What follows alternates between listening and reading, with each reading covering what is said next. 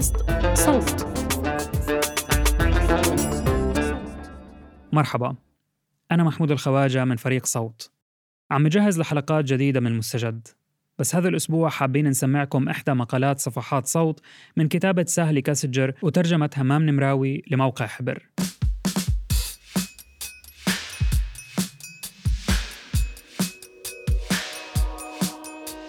بتناقش المقالة كيف تستفيد الدول الكبيرة والشركات العالمية العابرة للقارات من الكوارث العالمية ومآسي الشعوب.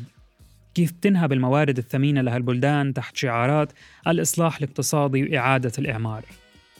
من أهم هالمؤسسات الناهبة هي ال USAID الوكالة الأمريكية للتنمية الدولية يلي بتحمل شعار إنه البلدان الفقيرة لازم يصير عندها اعتماد على الذات بين قوسين من خلال مشاركة القطاع الخاص. الأمر اللي بتعتبره الأداة الرئيسية لتحقيق ذلك. لكن في الواقع مش بس الوكالة الأمريكية للتنمية الدولية فاشلة في مساعدة البلدان النامية لكنها بتكافئ شركات غارقة في فضائح بيئية وحقوقية داخل الولايات المتحدة بأبواب خلفية للاستثمار في أسواق البلدان الفقيرة لإصلاح مشكلات هي أصلاً بتخلقها أو تؤدي إلى تفاقمها. الأمر اللي بيعزز سلطتها وأرباحها من خلال الحفاظ على الوضع القائم. قبل ما أترككم مع المقالة بحب أنوه إنه تركنا لكم رابط بالوصف. بإمكانكم تفوتوا عليه لتتعرفوا أكثر على خدمة صفحات صوت وكيفية الاشتراك فيها. استماع ممتع. صفحات صوت تقدم المعونة مقابل الربح التاريخ المظلم لليو إس ايد الناشر موقع حبر لسهل كاسجر ترجمة همام نمراوي.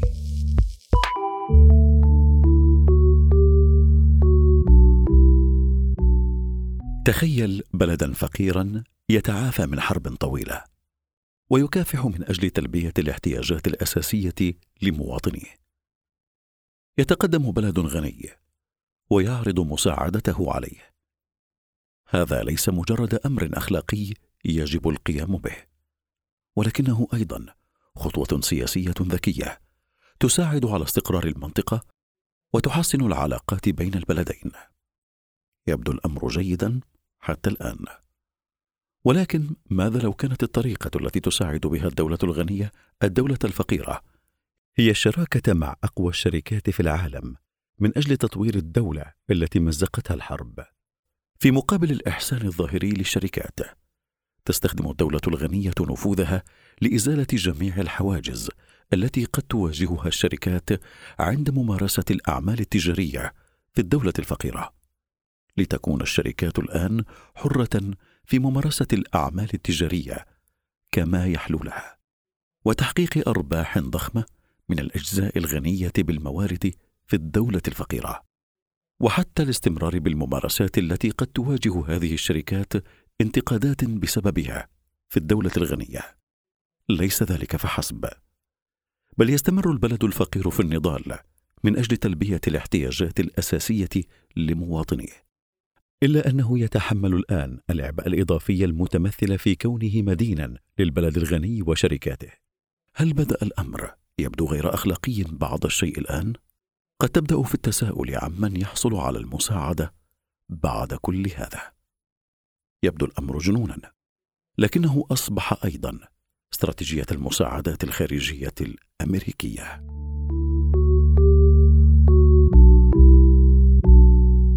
يعود تاريخ المساعدات الخارجية في الولايات المتحدة الأمريكية إلى خطة مارشال وبرنامج النقطة الرابعة كانت خطة مارشال التي أقرت عام 1948 مبادرة مساعدات أجنبية تهدف إلى إعادة بناء أوروبا الغربية بعد الحرب العالمية الثانية. مهدت الطريق لاستثمارات واسعة النطاق من القطاع الخاص الأمريكي في المنطقة، وإزالة الحواجز التجارية، وفتح السوق الأوروبية أمام السلع الأمريكية. بعد ذلك اقترح الرئيس هاري ترومان برنامجا دوليا للمساعدة الإنمائية في عام 1949 يسمى برنامج النقطة الرابعة. كان لهذا هدفان. أولا خلق أسواق للولايات المتحدة عن طريق الحد من الفقر وزيادة الإنتاج في البلدان النامية. ثانيا تقليص خطر الشيوعية من خلال مساعدة البلدان على الازدهار في ظل الرأسمالية. لاحظ كيف أن الحد من الفقر ومساعدة البلدان كانتا مجرد نتاج ثانوي لتحقيق الأهداف الأخرى. سرعان ما تحولت هذه البرامج إلى كيان أكبر وأكثر ديمومة.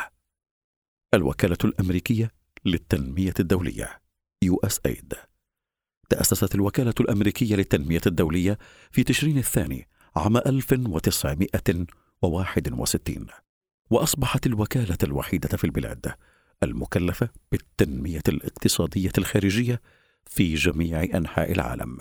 وصف جون إف كينيدي الذي أشرف على هذا التحول ولادة الوكالة الأمريكية للتنمية الدولية في رسالته إلى الكونغرس على أنها التزام من الولايات المتحدة. كما قال كينيدي: كان هذا من ثلاثة مكونات. كان على الولايات المتحدة واجب أخلاقي بصفتها القائد الحكيم للأمم، وواجب اقتصادي بصفتها أغنى الناس في عالم أغلبه من الفقراء، وواجب سياسي بصفتها الدفاع الأكبر الوحيد أمام خصوم الحرية. في السنوات الأولى للوكالة الأمريكية للتنمية الدولية ركزت الوكالة على دعم البلدان الفقيرة من خلال إزالة العقبات أمام الأعمال التجارية الخاصة. ولكن بمرور العقود بدأ الخط الفاصل بين الوكالة الأمريكية للتنمية الدولية وتلك الشركات الخاصة يتلاشى. تضمنت استراتيجية الوكالة الأمريكية للتنمية الدولية خلال العقود القليلة الأولى إنشاء بنية تحتية داخل البلدان النامية حيث يمكن للشركات الخاصة ومبادئ السوق التي على غرار الولايات المتحدة أن تزدهر. كان هذا يعني تخفيف اللوائح التجارية وتقديم ضمانات قروض للشركات وتوفير المنح الدراسية للطلاب للدراسة في الولايات المتحدة وإنشاء برامج تنمية زراعية فتحت أسواق البلدان الفقيرة أمام الأعمال التجارية الزراعية الكبيرة. قد تكون هذه السياسات قد أفادت القطاع الخاص رغم أن ممثلي الشركات لم يشاركوا باتخاذ القرارات أو تنفيذها. ولكن ابتداء من أوائل العقد الأول من القرن الحادي والعشرين الذي شهد ثلاث إدارات والرابعه حاليا. نما دور القطاع الخاص في المساعدات الخارجية أكثر فأكثر. والآن يعرض على أنه مستقبل المساعدات الخارجية. يوصف دور الوكالة الأمريكية للتنمية الدولية أحيانا بأنه تحفيزي وأحيانا أخرى أنه عامل تمكين حيث تحفز وتمكن الأعمال التجارية الخاصة. وهي الآن تبرم عقودا مباشرة مع تلك الشركات لتصميم وتنفيذ برامج التنمية الأجنبية. البرامج التي تنفذ تحت شعار الوكالة الأمريكية للتنمية الدولية مع الدعم المزعوم من الشعب الأمريكي الذي يمثله ذلك الشعار. هذا التطور للقطاع الخاص من بائع إلى شريك للوكالة الأمريكية للتنمية الدولية. قد ساعده تحالفان جديدان في أوائل العقد الأول من القرن الحادي والعشرين. هما تحالف التنمية العالمي GDA وهيئة ائتمان التنمية DCA وتحالف التنمية العالمي هو شراكة تعمل عبرها الوكالة الأمريكية للتنمية الدولية والقطاع الخاص معا لتطوير وتنفيذ نهج قائم على السوق لحل تحديات التنمية. من خلال هذه التحالفات تعمل الشركات مع الوكالة للمشاركة في إنشاء برامج تتقاطع فيها المصالح الربحية للشركات والمصالح التنموية للوكالة الأمريكية للتنمية الدولية. في اللغة الشائعة يوصف هذا على أنه حل يربح فيه الجميع أو عمل الخير بعمل جيد. من ناحية أخرى كانت هيئة ائتمان التنمية المبادرة التي استخدمتها الوكالة الأمريكية للتنمية الدولية لمنح القروض وضمانات القروض وضمانات المخاطر للشركات والتي كانت تحمي بشكل أساسي تلك الشركات من أي مخاطر مالية عند دخولها إلى أسواق جديدة وخصخصتها البنية التحتية العامة. في البلدان النامية ومنذ ذلك الحين تمت إزالة هيئة ائتمان التنمية من الوكالة الأمريكية للتنمية الدولية وأصبحت جزءا من كيان منفصل مهمته فقط تقديم المساعدة المالية للشركات الخاصة التي تنفذ مشاريع في البلدان النامية. وضع احتضان الوكالة الأمريكية للتنمية الدولية للقطاع الخاص سوابق كارثية على مر السنين. حيث كان انتصار القطاع الخاص مبنيا في الغالب على خسائر الأشخاص الذين كان من المفترض أن يساعدهم. في العقد الأول من القرن الحادي والعشرين وبينما كان الجيش الأمريكي يقصف العراق وأفغانستان كلفت الوكالة الأمريكية للتنمية الدولية بإعادة بناء البلدين. وكان من المفترض أن تهدف إلى تحقيق أقصى استفادة من مخصصات التمويل. كانت مبادرات تحالف التنمية العالمي وهيئة ائتمان التنمية مفيدة في تأمين العقود مع الشركات الأمريكية لجهود إعادة البناء هذه. قبل أكثر من شهر من غزو القوات الأمريكية للعراق بدأت الوكالة الأمريكية للتنمية الدولية في طلب العطاءات لإعادة بناء البلاد من عدد قليل من الشركات المؤهله مسبقا. كانت بيكتل واحدة من هذه الشركات وذلك بفضل علاقاتها السياسية الوثيقة ضمن الإدارة الأمريكية. في أوائل العقد الأول من القرن الحادي والعشرين على سبيل المثال جلست قيادة بيكتل في هيئات مؤثرة مختلفة تقدم المشورة لوزارة الدفاع وحشدت الدعم العام للغزو مما ضمن أن الشركة ستستفيد من الحرب. انتهى الأمر بتلقي شركة بيكتل أكثر من مليار دولار على شكل عقود. لم تبدأ الخطوط الفاصلة بين الحرب ومساعدات التنمية وأرباح الشركات في التلاشي فحسب.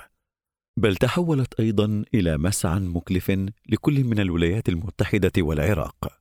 في عام 2006 بعد عجزها عن إكمال أكثر من نصف مشاريع إعادة البناء وقتل 52 من عمالها معظمهم من العراقيين غادرت بكتل البلاد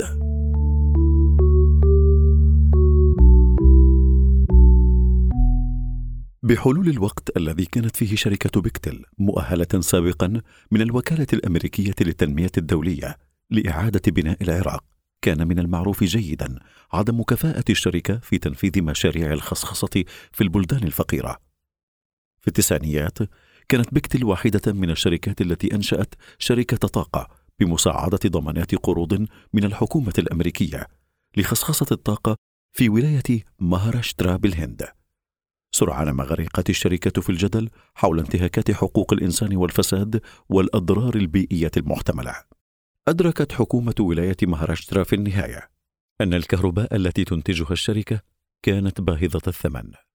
لدرجة أنه كان من الأرخص دفع 220 مليون دولار سنويا كرسوم ثابتة لصيانة المحطة بدل شراء الطاقة منها وبالمثل في بوليفيا في عام 1999 وقعت بكتل اتفاقية مع الدكتاتور هوغو بانزر الذي تحول إلى رئيس لخصخصة المياه في مدينة كوتشابامبا. بعد فترة وجيزة رفعت بكتل سعر المياه بحيث اضطر البوليفيون الذين يكسبون مئة دولار شهريا إلى دفع رسوم شهرية قدرها عشرون دولارا لشراء المياه مما أدى بعد ذلك إلى سلسلة من الاحتجاجات في المدينة وأعلنت حالة الحصار من قبل الحكومة والفسخ النهائي لعملية الخصخصة ومنذ ذلك الحين تخلت الشركة عن هذين المشروعين ورفعت دعوى قضائية ضد الحكومتين في كل من الهند وبوليفيا بسبب خسارة الأرباح.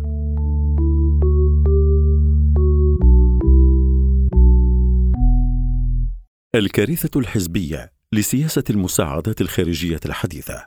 لقد كان انتقال سلطة الوكالة الأمريكية للتنمية الدولية واحتضانها للقطاع الخاص مشروعا مشتركا بين الحزبين. إذ بدأت إدارة بوش في إضفاء الطابع الرسمي على مشاركة القطاع الخاص في التنمية الأجنبية من خلال تحالف التنمية العالمي GDA وهيئة ائتمان التنمية DCA فإن إدارة أوباما هي التي أخذت هذه الشراكة إلى أبعادها الاستراتيجية الكبيرة. في عام 2016 أوضح الموظف السابق في الوكالة الأمريكية للتنمية الدولية الذي أشرف على مبادرة جي دي اي في عهد بوش ذلك عندما قال إن الشراكات بين القطاعين العام والخاص ليست مفهوما جمهوريا أو ديمقراطيا. وكان برفقته ممثل من شركة كوكاكولا وممثل آخر من وكالة التنمية الدولية التابعة لأوباما كشهود. عندما أدلى بهذا البيان وصف إريك بوستل الذي عمل في الوكالة الأمريكية للتنمية الدولية خلال إدارة أوباما بعد أن أمضى 25 عاما في القطاع الخاص هذا النمو في المشاركة مع القطاع الخاص على النحو التالي. النسخة واحد. في التسعينات حاولت الولايات المتحدة بناء بيئة داعمة للقطاع الخاص في أوروبا الشرقية والاتحاد السوفيتي السابق. النسخة اثنان. في أوائل العقد الأول من القرن الحادي والعشرين وسعت هذه المهمة من خلال الشراكات على مستوى المشاريع للشراكات بين القطاعين العام والخاص PPP وهيئة ائتمان التنمية DCA. النسخة ثلاثة في ظل إدارة أوباما بنيت تحالفات استراتيجية مع القطاع الخاص للعمل على نطاق متعدد السنوات ومتعدد الإدارات. أكبر الأمثلة على نوع البرامج التي تشرف عليها إدارة أوباما هي برامج طاقة إفريقيا والتحالف الجديد للأمن الغذائي والتغذية. كلاهما عبارة عن تحالفات متعددة البلدان ومتعددة المنظمات بقيادة الوكالة الأمريكية للتنمية الدولية. والتي ساعدت في فتح الأبواب أمام القطاع الخاص للدخول في قطاعات الطاقة والأعمال الزراعية المربحة في البلدان النامية ولا سيما تلك الموجودة في أفريقيا يمكن توضيح اعتماد الوكالة الأمريكية للتنمية الدولية المتزايد على شركاء القطاع الخاص والمشكلات التي تصاحب ذلك. من خلال شراكتها مع شركة دوبونت كانت شركة دوبونت عملاق الزراعة واحدة من أكثر الشركاء ولاء للوكالة الأمريكية للتنمية الدولية. دوبونت جزء مما كان يطلق عليه الستة الكبار لشركات مبيدات الآفات والكائنات المعدلة وراثيا. ولكن مع عمليات الاندماج الأخيرة فإن الستة الكبار في طريقها إلى أن تصبح الأربعة الكبار أو ربما حتى الثلاثة الكبار. دوبونت مثلها مثل الشركات الزراعية العملاقة الأخرى. هي أيضا واحدة من أخطر الشركات في العالم. يشمل تاريخها صناعة البارود خلال الحرب العالمية الأولى والقنبلة الذرية خلال الحرب العالمية الثانية والعامل البرتقالي خلال حرب فيتنام. وهي تشارك بشكل كبير في الضغط من أجل تشريعات الكائنات المعدلة وراثيا واستصدار براءات اختراع قسرية للبذور تمتص دم المزارعين. ترتبط دوبونت أيضا بمبيد حشري يسمى كلوربيريفوس والذي يسبب تلفا في الدماغ عند الأطفال.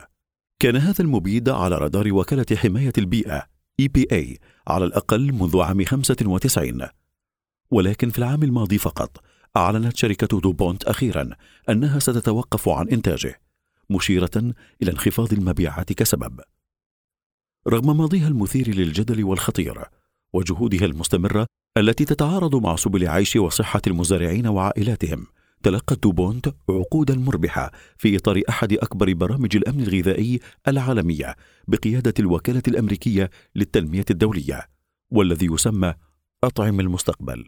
تم إطلاق برنامج أطعم المستقبل في عام 2010 كجزء من برنامج التحالف الجديد للأمن الغذائي والتغذية بهدف القضاء على الجوع والفقر وسوء التغذية في العالم.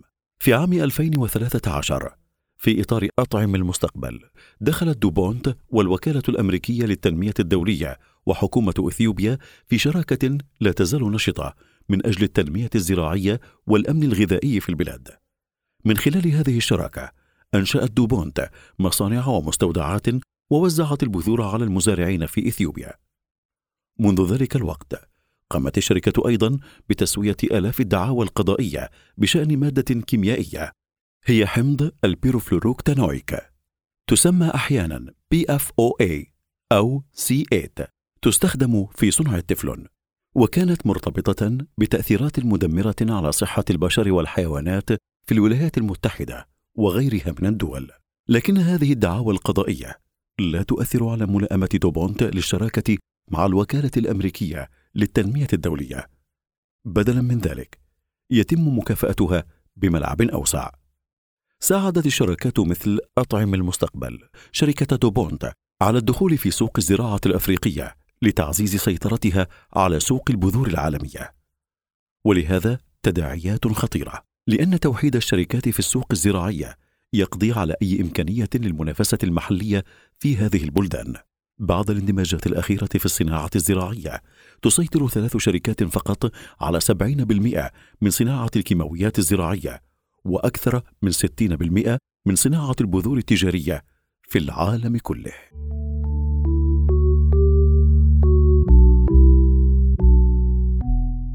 لدينا الآن أدلة كافية تثبت الآثار البيئية المدمرة للنموذج الزراعي الصناعي مع عواقب مثل تغير المناخ وفقدان التنوع البيولوجي وتهديدات الأمن الغذائي على المدى الطويل.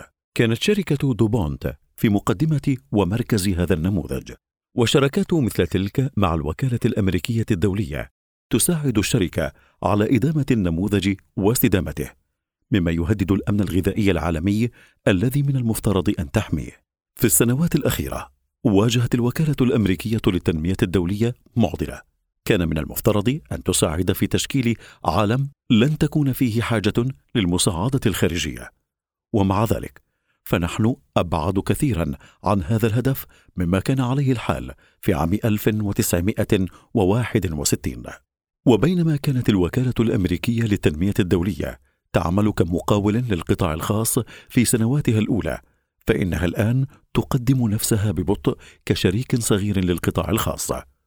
تطلق على ذلك اسم رحلة إلى الاعتماد على الذات للبلدان المضيفة مستعيرة اللغة من رؤية كينيدي الأصلية عندما تحدث عن تحويل البلدان الأقل تقدما إلى دول تعتمد على نفسها. لكن الاعتماد على الذات الذي تعمل الوكالة الأمريكية للتنمية الدولية من أجله الآن يقوم على تسليم المسؤوليات والشبكات والعقود والفرص إلى الشركات الكبرى.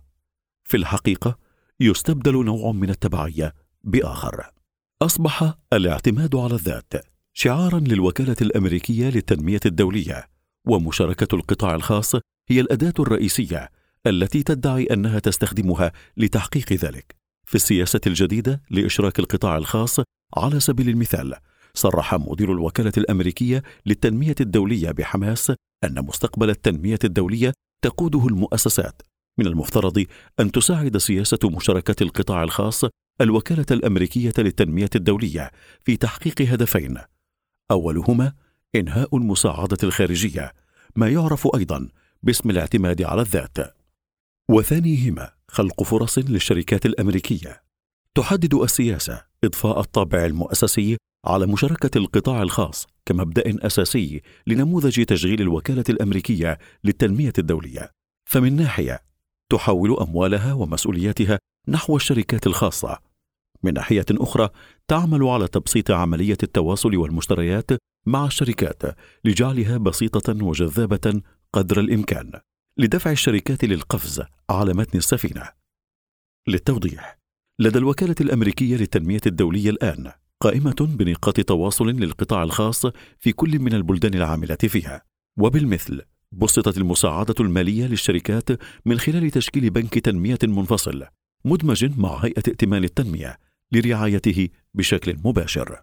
من خلال إضفاء الطابع المؤسسي على مشاركه القطاع الخاص. من الواضح أن الوكالة الأمريكية للتنمية الدولية تقوم بشكل أساسي بإضفاء الطابع المؤسسي على دافع الربح في برامجها للمساعدات الخارجية والتي بدأت على الورق على الأقل من واجب أخلاقي. وجدت دراسة أجراها معهد بروكينغز عام 2016 أنه منذ العام 2001 بدأت الوكالة أكثر من 1600 شراكة بين القطاعين العام والخاص. ومن بين هؤلاء ربط 54% بشكل مباشر بالمنفعة التجارية لشريك الأعمال و29% بمزايا استراتيجية أكثر انتشارا للشريك. يقال إن هامش ربح الشركات الخاصة سيضمن الاستدامة طويلة الأجل لبرامج الشراكة بين القطاعين العام والخاص. حيث يمكن للشركات الاستمرار في العمل حتى عندما لا تقدم الوكالة الأمريكية للتنمية الدولية أي مساعدة. ومع ذلك فإن هامش الربح هذا يقوم أيضا على أساس الاستهلاك غير المستدام للموارد التي تحرم البلدان الفقيرة من الموارد البيئية والبشرية التي يمكن الاعتماد عليها لبناء الاعتماد على الذات. لنعد إلى دوبوند أحد شركاء الوكالة الأمريكية للتنمية الدولية المفضلين. في عام 2018 تم تغريم الشركة بأكثر من ثلاثة ملايين دولار بسبب انتهاكات بيئية من قبل وكالة حماية البيئة. وفي عام 2019 كانت أكبر ملوث للمياه في الولايات المتحدة حيث احتلت المرتبة الأولى في مؤشر أكبر مئة ملوث للمياه. ومع ذلك في العام التالي دخلت شركة دوبونت في شراكة مع الوكالة الأمريكية للتنمية الدولية لتوفير المياه النظيفة في قرية منكوبة بالجفاف في إثيوبيا. بطريقة ما من المفترض أن نصدق أن أكبر ملوث للمياه في الولايات المتحدة سيوفر حلولا مستدامة للمياه النظيفة في إثيوبيا. وبالمثل فإن شركة كوكاكولا التي تعرضت لانتقادات متكررة بسبب استنزاف المياه وتلويثها وتجفيف آبار المزارعين. لديها أيضا شراكة طويلة الأمد مع الوكالة الأمريكية للتنمية الدولية لتحسين الوصول إلى المياه في البلدان النامية في العالم. تساعد هذه الشراكات الشركات هذه على إدارة صورها ومواصلة عملياتها التجارية في هذه البلدان. وهي عمليات مرتبطة مباشرة بنضوب الماء الثقيل. تكافأ نفس الشركات الغارقة في الفضائح البيئية وفضائح حقوق الإنسان داخل الولايات المتحدة بأبواب خلفية لأسواق البلدان الفقيرة لإصلاح تلك المشكلة نفسها التي يعرف عن عملياتها أنها تخلقها أو تؤدي إلى تفاقمها. ولكن بمجرد نفاذ جميع الموارد وعدم وجود هامش ربح يمكن تحقيقه. ماذا سيكون حافز الشركات للبقاء؟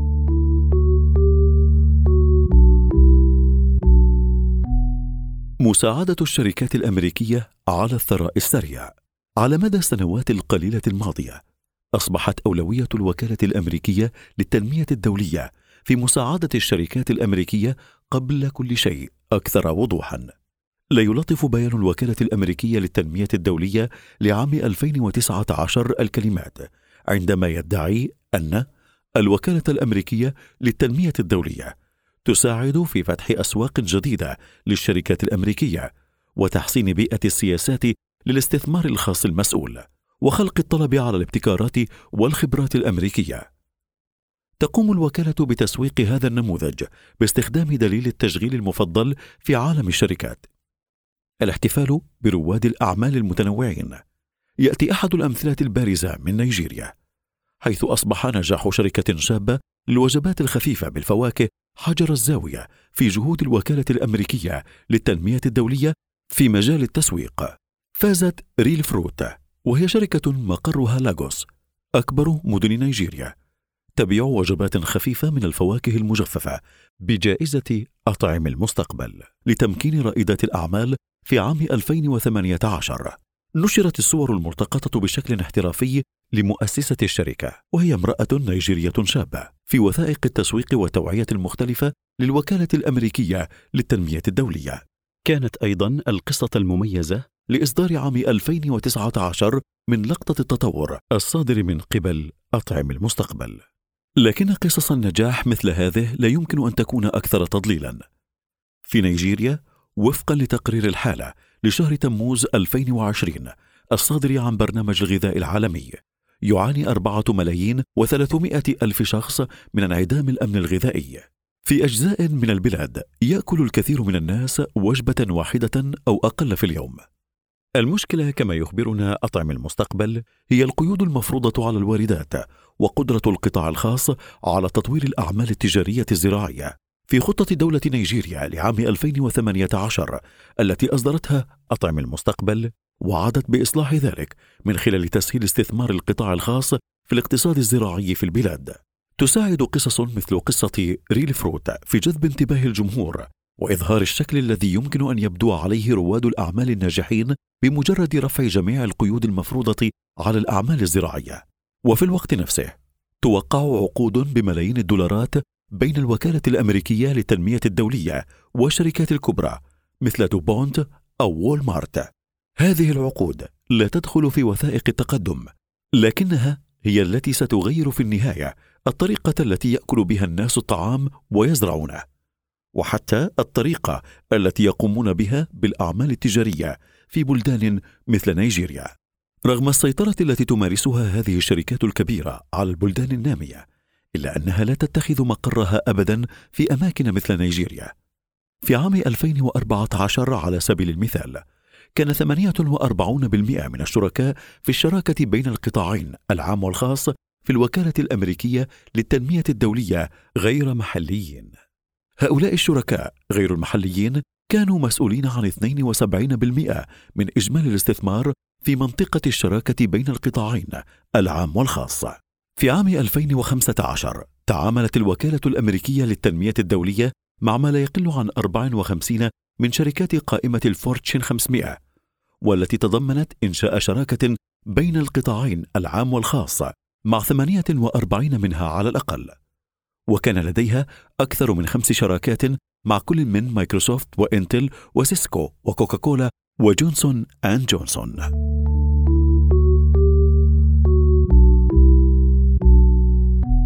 تبرر الشراكات مع الشركات متعددة الجنسيات على أساس حجمها ومواردها. ولكن غالبا ما تجعل هذه الشركات المشاكل أسوأ أو لا يكون لديها القدرة على علاجها. إن عمالة الأطفال في سلاسل توريد الكاكاو هي خير مثال على ذلك. دخلت شركات الشوكولاتة الكبيرة مثل هيرشيز ومارس ونستلي وموندليز وهي شركة الأم لشركة كادبوري في شراكة مع الوكالة الأمريكية للتنمية الدولية لمعالجة هذه المشكلة. تمتلك جميع شركات الشوكولاتة الكبرى نظام مراقبة ومعالجة عمالة الأطفال. تركز هذه الخطط بشكل خاص على أكبر بلدين منتجين للكاكاو ساحل العاج وغانا. بين عامي 2012 و 2016 استثمرت نستلا وحدها حوالي 10 ملايين و900 ألف دولار في مراقبة عمالة الأطفال كما استثمرت أكثر من 21 مليون دولار بين عامي 2012 و 2018 في بناء المدارس. في كلتا الحالتين كان الهدف هو تقليل عمالة الأطفال في سلسلة التوريد الخاصة بالشركة. ومع ذلك فإن عمالة الأطفال لم تنخفض فحسب بل زادت. وجدت دراسة جديدة أجرتها منظمة الأبحاث نورك في جامعة شيكاغو أن في هذين البلدين اللذين يزرعان الكاكاو زادت عمالة الأطفال بنسبة 13 نقطة مئوية بين أعوام 2008 إلى 2009 و2018 إلى 2019 حتى مع نمو إنتاج الكاكاو بنسبة 62% وفي الوقت نفسه تتحدث جميع شركات الشوكولاتة الكبرى عن الزراعة المستدامة والارتقاء بحياة المزارعين. لدى مارس برنامج الكاكاو للأجيال ولدى هيرشيز استراتيجية الكاكاو من أجل الخير. إنهم جميعا ملتزمون بفعل الخير للمزارعين بينما يفعلون الخير لأنفسهم. ومع ذلك تظل المكافآت مركزة بين الشركات الكبرى. في الولايات المتحدة تسيطر أربع شركات فقط على أكثر من 74% من صناعة الشوكولاتة. ولا يزال إنتاج الكاكاو مرتبطا بإزالة الغابات وعمالة الأطفال. ولا يرى المزارعون سوى القليل جدا من مليارات الدولارات التي يساعدون في توليدها. يحصل المزارع الأفريقي العادي على 78 سنتا امريكيا في اليوم من الكاكاو أي ثلاثة ارباع دولار تقريبا بينما تبلغ قيمة مبيعات صناعة الشوكولاتة أكثر من 100 مليار دولار سنويا. ومن المتوقع أن تصل إلى 171 مليارا و600 مليون دولار بحلول عام 2026 يأتي حوالي 60% من الكاكاو في العالم من ساحل العاج وغانا حيث يستهلك القليل جدا منها. تشارك الأرباح المتراكمة بأقل قدر ممكن. يقول شركاء الوكالة الأمريكية للتنمية الدولية في القطاع الخاص إن حل مشاكل مثل عمالة الأطفال صعب للغاية. لأن بلدانا مثل ساحل العاج وغانا متخلفة.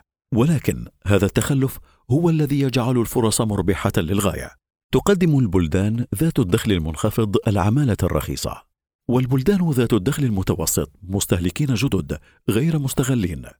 وعدم وجود مؤسسات محلية قوية في كليهما يعني أن الشركات الضخمة الغنية في حل من القيود المفروضة عليها في البلدان الأكثر ثراء. تصر الوكالة الأمريكية للتنمية الدولية على وجود تداخل دقيق بين المصالح الساعية للربح للقطاع الخاص ونتائج التنمية في البلدان الفقيرة. ولكن إذا كان هناك تداخل فهو صغير وهش وقائم على استغلال نقاط الضعف في البلدان النامية لصالح القطاع الخاص في الولايات المتحدة. في عام 2016 ارتفع الجوع العالمي لأول مرة في هذا القرن واستمرت هذه الأرقام في الارتفاع منذ ذلك الحين. في أفريقيا التي تحظى بأكبر قدر من الاهتمام في إطار برامج الأمن الغذائي مثل إطعام المستقبل. ورد أن حوالي خمس السكان أو أكثر من 150 مليون شخص يعانون من نقص التغذية في عام 2019 وهذا أكثر من ضعف المتوسط العالمي وأعلى من تقديرات عام 2014 من المتوقع أن يرتفع معدل انتشار نقص التغذية في إفريقيا أكثر من ذلك من 19% في عام 2019 إلى 26% في عام 2030 مرة أخرى فشل القطاع الخاص فشلا ذريعا في حل المشكلات التي يدعي أن الحكومات لا تستطيع حلها بنفسها. تدعي الوكالة الأمريكية للتنمية الدولية مثلها مثل جميع المؤسسات العامة في البلاد أنها تعمل نيابة عن الشعب الأمريكي. هذا ليس فقط غير صحيح بل إن احتضان الوكالة الأمريكية للتنمية الدولية للقطاع الخاص يتعارض مع الفرضية الأخلاقية التي تأسست عليها. نحن نعلم أن بعض هؤلاء الأمريكيين الذين تدعي أنها تمثلهم قد خاضوا معارك طويلة ضد نفس الشركات التي تقيم الوكالة الأمريكية للتنمية الدولية شراكات معها. لقد رأينا أيضا كيف أن دافع الربح للقطاع الخاص حتى مع وجود نوايا نبيلة مفترضة لا يتوافق مع مصالح التنمية التي من المفترض أن تخدمها المساعده الخارجية. ومن خلال مساعدة الشركات التي لديها تاريخ خطير في استخدام سلطتها في لي أذرع الحكومة على نحو يضر بمواطنيها واستغلال الفرص في البلدان الفقيرة التي لا يمتلك الكثير منها البنية التحتية المؤسسية أو حرية المجتمع المدني للتحقق من إساءة استخدام الشركات للسلطة. لا تفشل الوكالة الأمريكية للتنمية الدولية في مساعدة البلدان النامية فحسب بل إنها تساعد الشركات الكبرى في تعزيز سلطتها بشكل أكبر. في السنوات الأخيرة استخدمت الوكالة الأمريكية للتنمية الدولية لغة التحول للضغط من أجل سياسات تهدف إلى مشاركة أكبر للقطاع الخاص. ومع ذلك فقد حان الوقت لتخيل تحول لا يعتمد على لطف أكثر الشركات غير الأخلاقية في العالم. كنا معكم من التقديم تامر لبد ومن فريق التحرير بسنت سمهوت ومحمود الخواجة ومن المونتاج راشد البابلي. هذا العمل من إنتاج صوت.